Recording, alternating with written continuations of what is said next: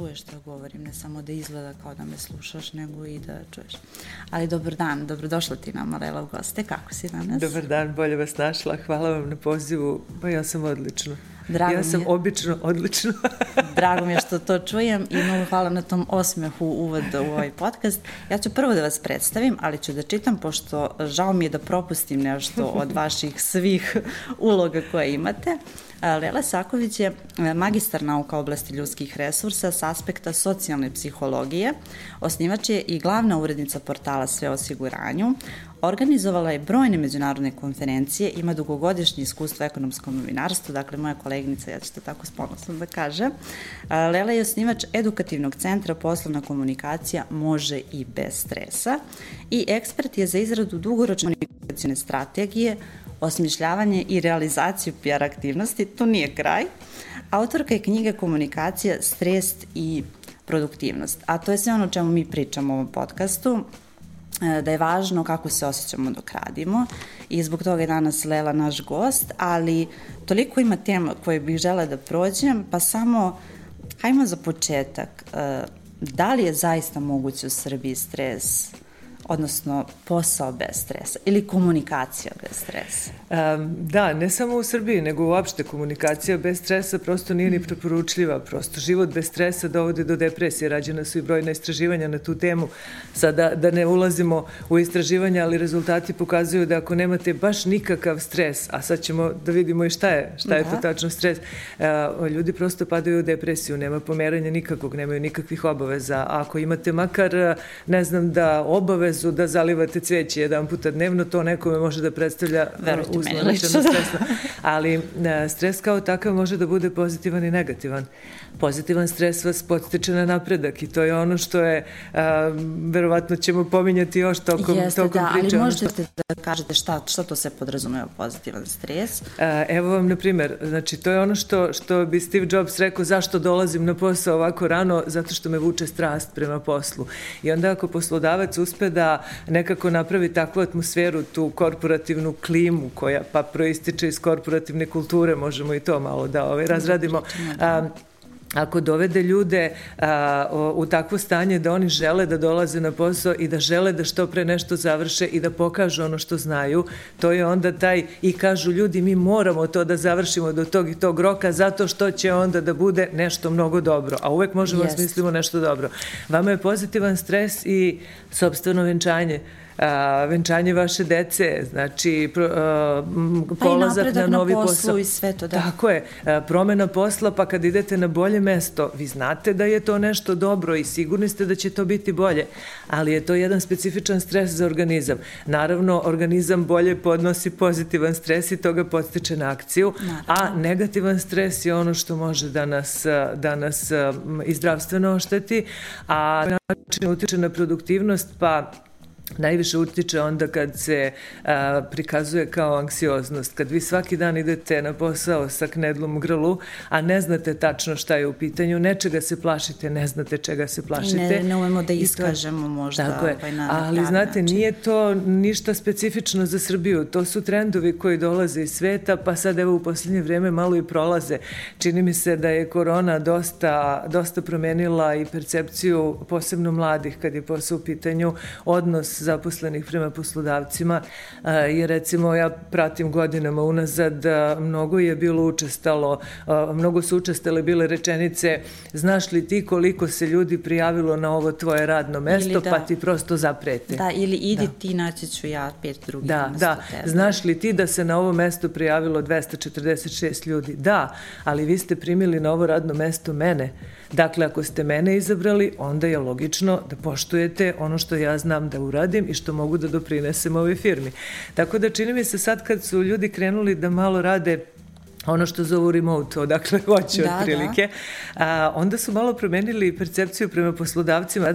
Recimo, skoro smo gledali neka istraživanja, radeći opet neke tekstove, da a, više od 45% ljudi u svetu koji su počeli da rade tokom korone remote, a, neće da se vrate u kancelarije a, i to po cenu da traže drugog poslodavca. Da, da ili traže izgovore. Ja sam baš nedavno isto prevodila neki tekst, isto istraživanje velike, velike organizacije agencije, kažu da ljudi e, traže toliko izgovora za posao, da je to postalo jedno od najpretraženijih termina u Google-u i da se ispostavilo da su im izgovori uh, automobil mi nije, ne radi, bolestan sam, bolestan mi neko od ukućane, da su to to pet izgovora koje oni, dakle, u vreme kada poslodavci pokušavaju da ih nagovore da se vrate u kancelarije, oni nekako neće i naravno, pričali smo vi ja ranije, tema je sada i veliki otkaz i tihi otkaz, što, što yes, dosta yes. govori o tome. A znate šta je realnost? Jedna stvar je šta su izgovori, jer verovatno znaju da poslodavac tu realnost ne bi prihvatio.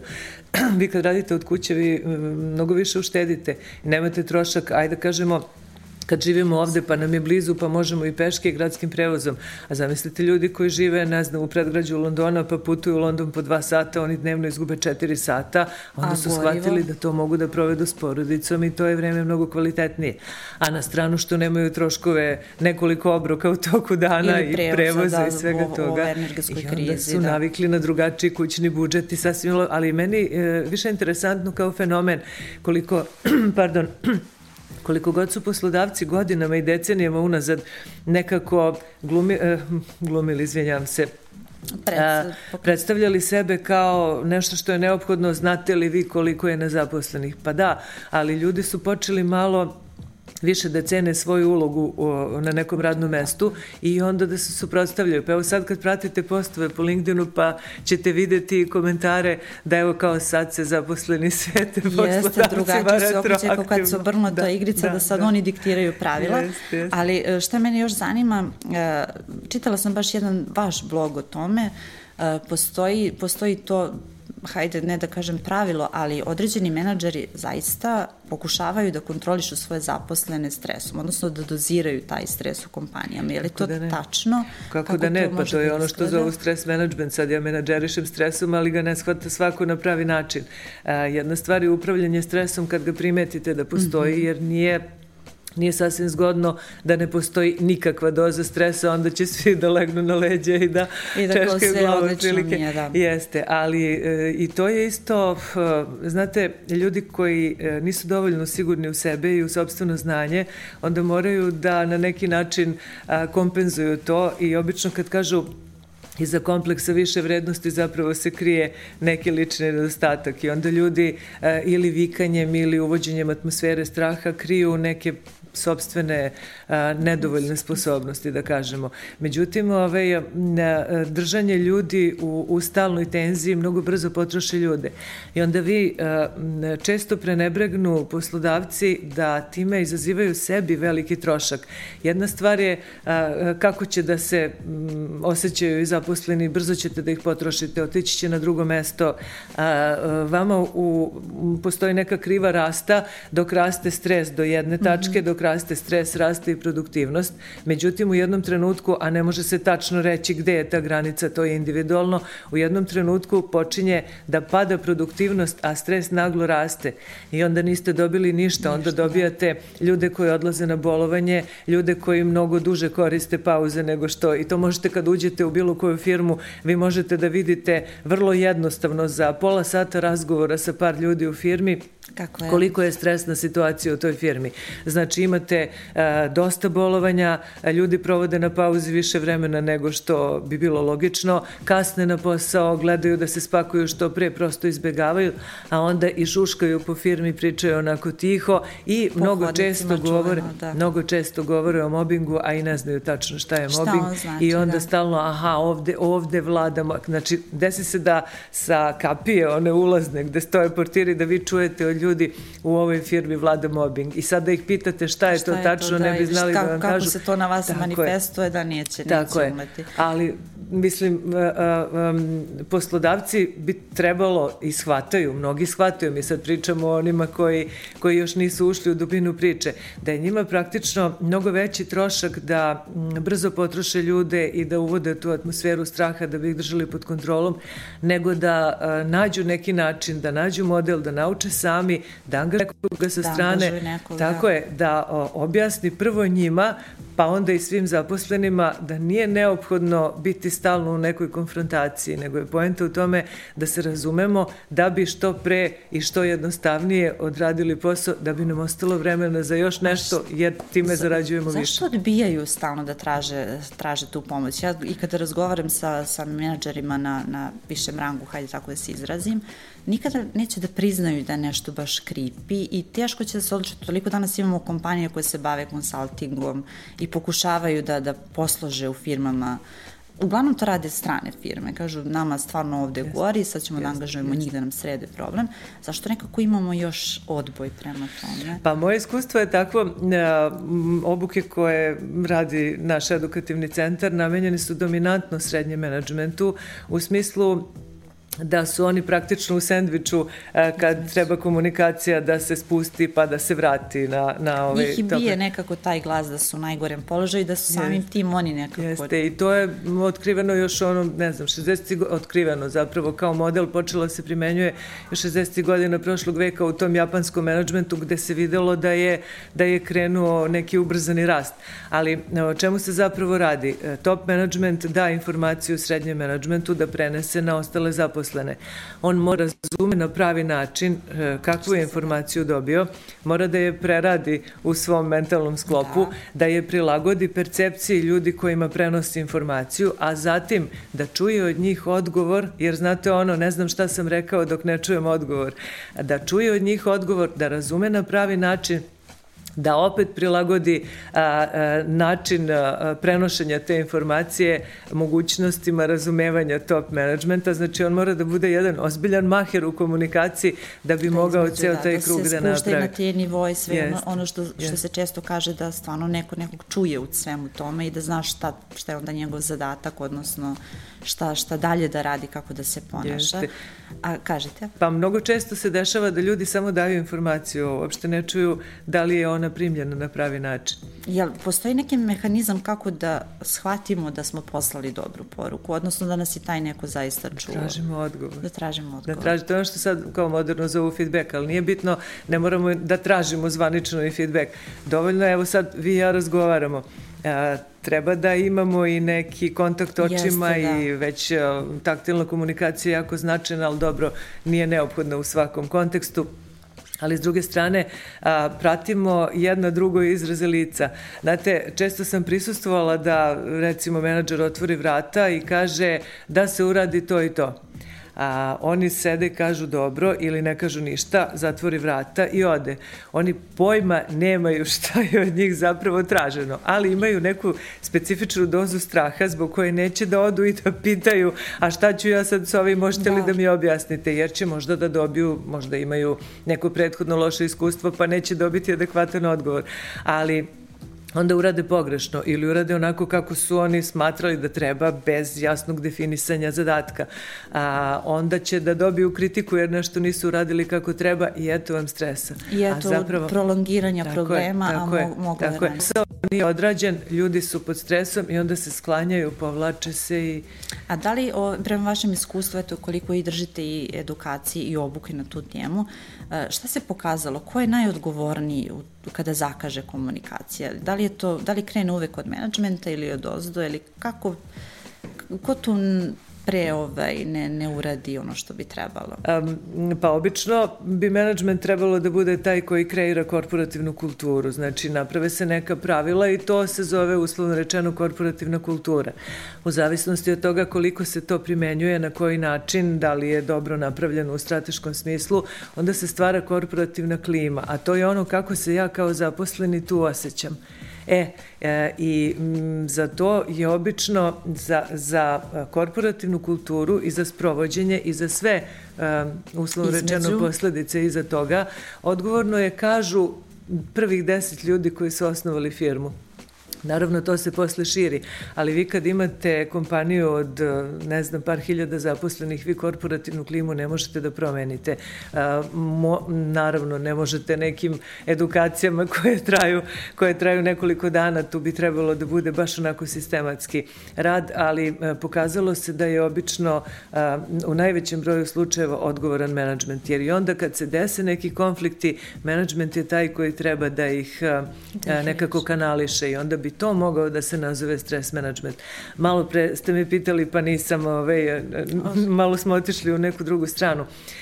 Zapravo, kad radimo sa srednjim menadžmentom, mi imamo i specifične neke delove tih edukacija, ali da ih ne nazovemo edukacijom, nazovemo ih business coachingom, šta god, ono, ono što je najlakše da se, da. da se nekako prihvati. Ali namenjen je top managementu. Međutim, top management će u svakoj situaciji da vam kaže meni to ne treba, ja to znam. Ali se dešavalo masu puta da ih vidite kako sede u drugoj kako prostoriji i drže otvorena vrata ili kažu spremite meni prezentaciju da vidimo da. da li je to dovoljno dobro. Najgore da, jeste. kad tu prezentaciju ne pogledaju kako treba. Pa to pogled, onda, da. pogledaju je ili imamo nekad i snimamo pa onda pravimo neke pa igrokaze da. pa onda sve to gledaju. E, redko se dešavalo da dođe i, i top management na, na takve ja sad zovem edukacije, ali to je više neke a, interaktivna druženja, da kažemo, gde se kroz različite i, i situacije, njihove situacije dolazimo do, do nekih rešenja, ali tamo gde se uključio i top management u tim firmama je najmanje problema i bilo. Pa eto, da, da dakle, Jeste, treba Jer kod nas je moguće, znači, evo, ja imam klijente sa neke druge strane IT kompanija gde se ljudi zaista rado druže i to uopšte nije šala i uopšte nije ono namerno napravljeno za društvene mreže, evo mi sad pravimo roštilj, evo ne znam, radimo to i to, ovo mu se mrze, ili se slikaju, da, kažu da, evo da. nas u divnom društvu. Pa kažu da ti sad... bilnizi i vrlo da. pomažu pri to, ne, ne samo trenizi kakve vi radite, nego klasični team building, da se zaista tu pokaže ne, neke manjkavosti, jer kad su ljudi suočeni na nekom određenom prostoru i kad se zaista, kad su slobodni da iskažu, da se onda malo i problemi više, da su očigledniji. Uglavnom se na pauzama otvore. E, tako. Jeste, ali dobro, to je isto dobra stvar jer onda nađete način da, da se nekako posle svega svi osjećaju bolje. Jer znate, vrlo često se dešava da kaže ja ću da kažem pa kud puklo da puklo. Ta je glup, ovakav i onakav je. Pa da, i šta ćeš da dobiješ time što ćeš da kažeš samo svoje lično mišljenje, Jeste, koje ne da. znači ništa, posao se neće završiti, ti možeš da postaneš I onda će se goreti, jeste. I Tako je, da. onda ćeš dodatno, ja ima da kažem, pa kud puklo, pa da, ali znaš gde može da pukne, ajde bolje da probamo, znači ako postoji mogućnost da se dođe do rešenja, onda je bolje da, tako, a najlakše da prvo je to iskomuniciramo, da, što se kaže. Da. E sad, pomenuli ste korporativnu kulturu i menjanje, jedna druga velika tema o kojoj želim s vama da pričam jest, jesu akvizicije, odnosno uticaj akvizicija na, na radnike i menadžment pre svega. E, mi smo prošli kroz privatizacije, otvorilo se tržište, pa su dolazile neke kompanije, uglavnom zbog ukrupnjavanja kapitala, pa smo postali mesto koje je dobro za investiranje, pa su došle velike IT firme, ima i naših, pa se spajaju. Ja danas kad razgovaram sa ti velikim kompanijama kažu da idu akvizicije zbog ljudi, ne toliko sad zbog novca i kapitala, jer im nedostaje radne snage, Vi dosta radite na tome, istraživali tome. Hajde prvo da definišemo kako akvizicija, što je to prvo što ljudi vide, odnosno kako reaguju kad, kad im kažemo akvizicija. I de, mi smo sad u procesu uh, akvizicija. Da, akvizicija, meržovanje, šta god. Imate tu nekoliko e, modela, recimo strana kompanija, dve strane kompanije posluju u da. našoj i bilo kojoj zemlji. Jedna od njih recimo ne želi više da ima biznis u toj zemlji. Evo desilo se to pre par godina da je jedna od najvećih svetskih kompanija iz sad finansijskog sektora, nije važno, prosto je mm -hmm. strateški odlučila da ide u zemlje Afrike zato što tamo ima, prosto je tako strateško da. opredeljenje da. i onda su, praktično je velika kompanija prodala svoje poslovanje u Srbiji, drugoj manjoj kompaniji koja ima strateški pristup, regionalno širenje i ostajanje na ovoj teritoriji. A, ono što, što u startu, kad pominjete već korporativnu kulturu, a, ono što u startu a, a, e, treba imati u vidu jeste da ljudi po prirodi svoje ne vole promene. I sad, ajde da kažemo, ovi mlađi već imaju drugačiji pristup. Ako gledate kako se ponašaju od milenijalsa pa unazad na ove zumere, pa tek ovi koji će za njima doći, oni se ne vezuju toliko ni za mesto, ni za stvari, ni za stan, ni za ljude, ni, ni za šta živo, ali drugačije, nekako drugačije, dinamičnije žive. A, a kad imate ljude koji su malčice stariji, oni naviknu na nešto i onda se mnogo teško iz toga pomere. I sad kad vi e, kažete ljudima koji rade u nekoj firmi 10, 15, 20 godina da sad dolazi neko nov, da li će to biti strana kompanija koja će njih da kupi, pa da uvodi svoja nova korporativna pravila, nove strategije poslovanja, novi način ponašanja, to je njima specifična promena i svi se plaše po prirodi stvari promene. S jedne strane imate to, a s druge strane, ajde da kažemo se spajaju dve firme ovde, pa koja koju kupuje, a, onda imate strah od uslovno rečeno konkurencije, strah za svoju poziciju Tako i da. to je opet specifična promena. I onda da krenemo prvo od tog straha od promene. Kako ću ja to sad da podnesem? Jer znate, čovek teško podnosi da promeni stambeni prostor, da promeni posao, da promeni partnera, pa bilo šta. Mislim, da. Tako imate ljude koji se plaše, mislim plaše, prosto ne vole da promene ni grad, ni da idu na putovanje čak, a mnogo je takvih i koji su zaposleni logično. I onda da. se to prenosi na sve segmente života. E sad, s druge strane, a, ako kažemo da se neke dve firme spajaju, pa koja ima bolju tržišnu poziciju, pa ko će tu da bude glavniji, ko će da bude da, da. superioran, da. ko je inferioran, onda koliko... Da li će da dovede svoj menadžment, da li će ovaj da zadrži, da li će To, da, to, oko toga se dogovaraju oni koji pregovaraju o akviziciji ili o meržovanju. Ali kažemo kako se, zap, kako se osjećaju zaposleni. A, jedni se plaše da li će ostati inferiorni u novom okruženju, a, drugi bi hteli da ostanu superiorni jer se tako i osjećaju. I sada a, onda recimo ako dolazi a, neka kompanija iz drugačijeg a, kulturnog, a, političkog mm -hmm. okruženja, a vi onda imate tu kulturu kulturološke razlike, da ne pričamo o onome što vi imate dosta, recimo sećam se kad je u jednoj susednoj zemlji a, trebalo da se proda velika osiguravajuća kompanija i onda su svi mediji u regionu pisali da oni to žele da prodaju samo kompaniji koja je iz iste zemlje jer ne žele da prodaju porodičnu srebrninu, ne znam, strancima, znate. Pa su na kraju da, kome šta, da li je to ispalo dobro ili ne, oni znaju, nema veze, ali prosto a, imate tu i te i političke razlike i kulturološke i prosto pristup prema svemu. I onda kad bi nekako mogli da prevaziđu to da niko nije u toj priči ni bolji ni loši, znate, onda se boje za poziciju, boje se za radno mesto, u zavisnosti od toga koliko znanja zaposleni da. ima, da. onda je toliki proporcionalno tome i njegov strah od toga da li će ostati bez radnog mesta. A ljudi kad se e, malo učame onako u nekoj pa, atmosferi, pa, oni nisu se kaže, skloni. zato treba raditi na tome da, da budeš konkurentan na svakom tržištu, ne yes, samo u svojoj yes, kompaniji, yes. stalno su te edukacije yes. potrebne. Ali postoje mehanizmi neki kako bismo mogli da što, što lakše prebrodimo taj period. Evo sad kažete, Uh, plašimo se pa za platu, pa za poziciju, pa šta će ovaj da nam kaže, kako ćemo tu da izgledamo u tom poslovnom obliku, šta će možda naš menadžment, kakvu odluku da donese. Pa evo vam sad kupovina kupovina Twittera je izazvala Jest. kompletnu, mislim, kompletnu smenu jakih ljudi u top managementu, da li su oni to očekivali ili ne. Znate, ovaj, mislite kako da prevaziđu zaposleni ili pa, šta, evo, šta top management može u toj... Šta može da uradi, eto, da bi zaštitio svoje radnike? Pa evo ovako, ono što je neophodno u startu... Ako želi da ih zaštiti. Da, da.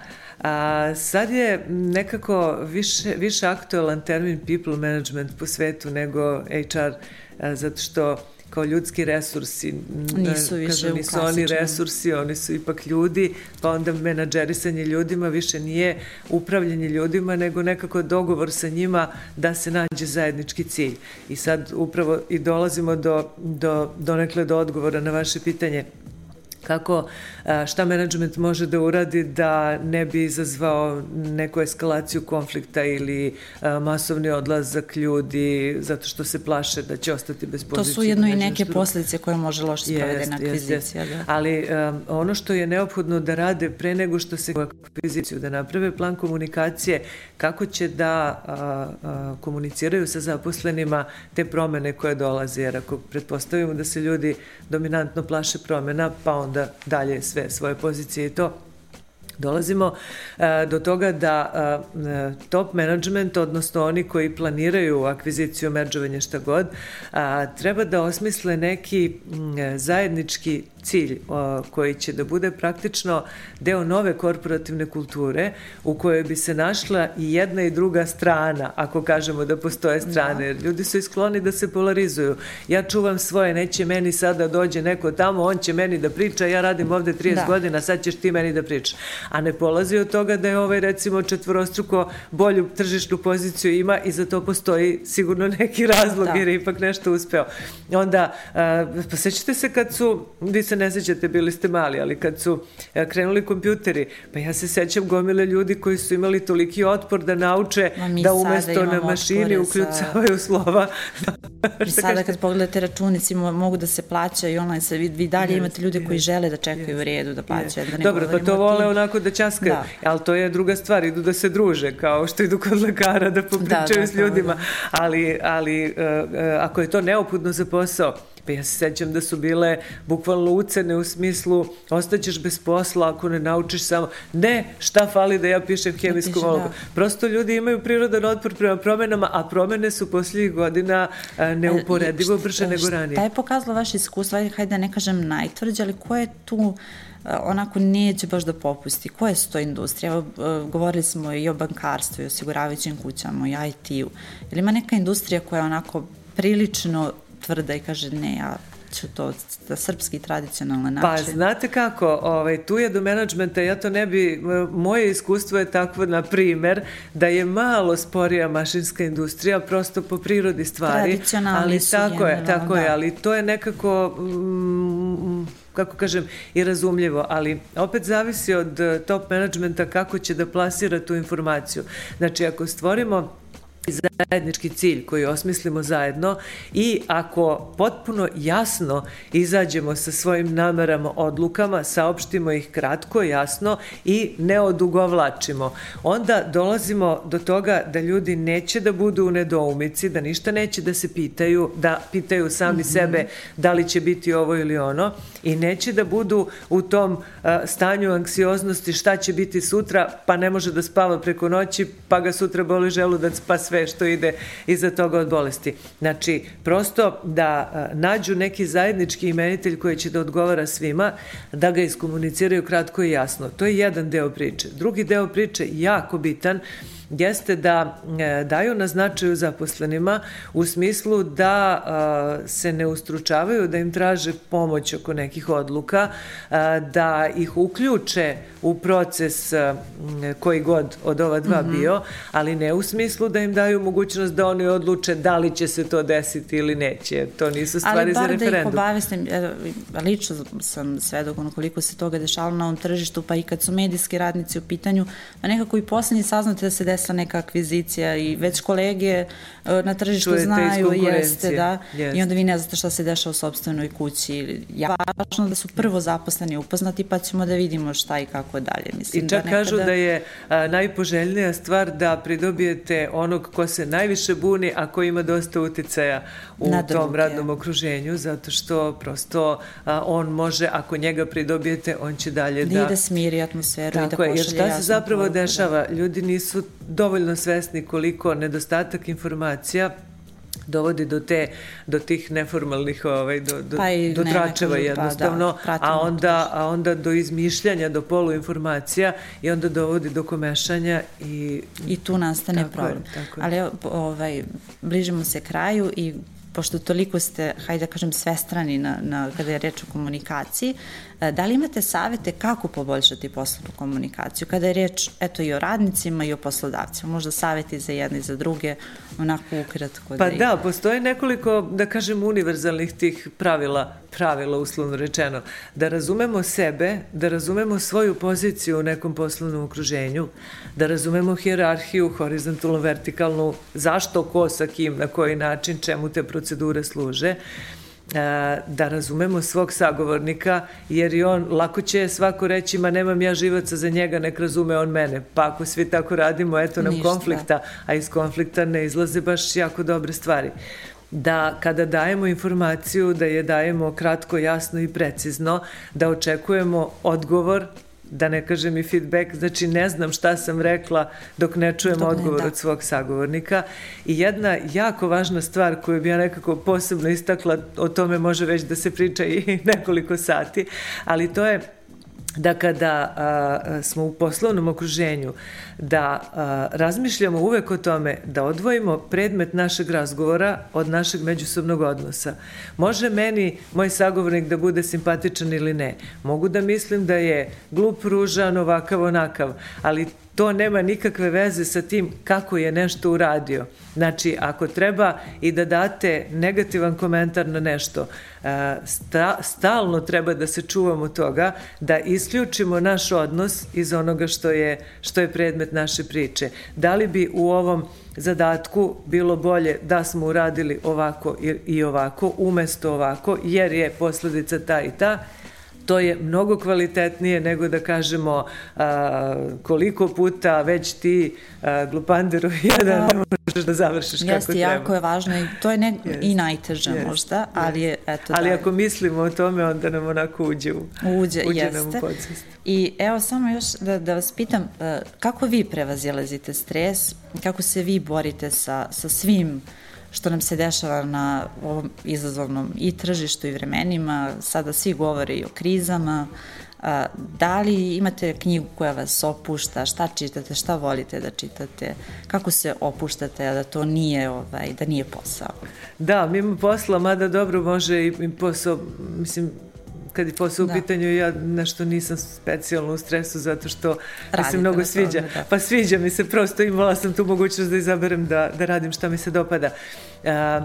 Evo, znači, posljednjih nekoliko godina ja imam nekoliko mesta u Srbiji gde je a, e, jako zelena priroda i gde, e, gde mi, znate, ono kad nađete svoje mesto negde i onda otprilike jednom mesečno pa Da, jedno da, da, u proseku odem po nekoliko dana, pa nekad mi se desi da ostanem i 15 dana, pa ponesem naravno laptop, može uvek sad da se radi, da se radi odakle sada, god, ali da. nekako mi se čini da priroda onako čoveka osveži i ono što je jako važno i što bi rado svakom preporučila, E, ja često putujem sama zato što želim da kad završim posao porazgovaram sa sobom samom i da sve to nekako izmetabolišem u glavi i onda kad se sa sobom onako lepo sklopite i složite onda vam je mogućnost za stres bitno smanjena.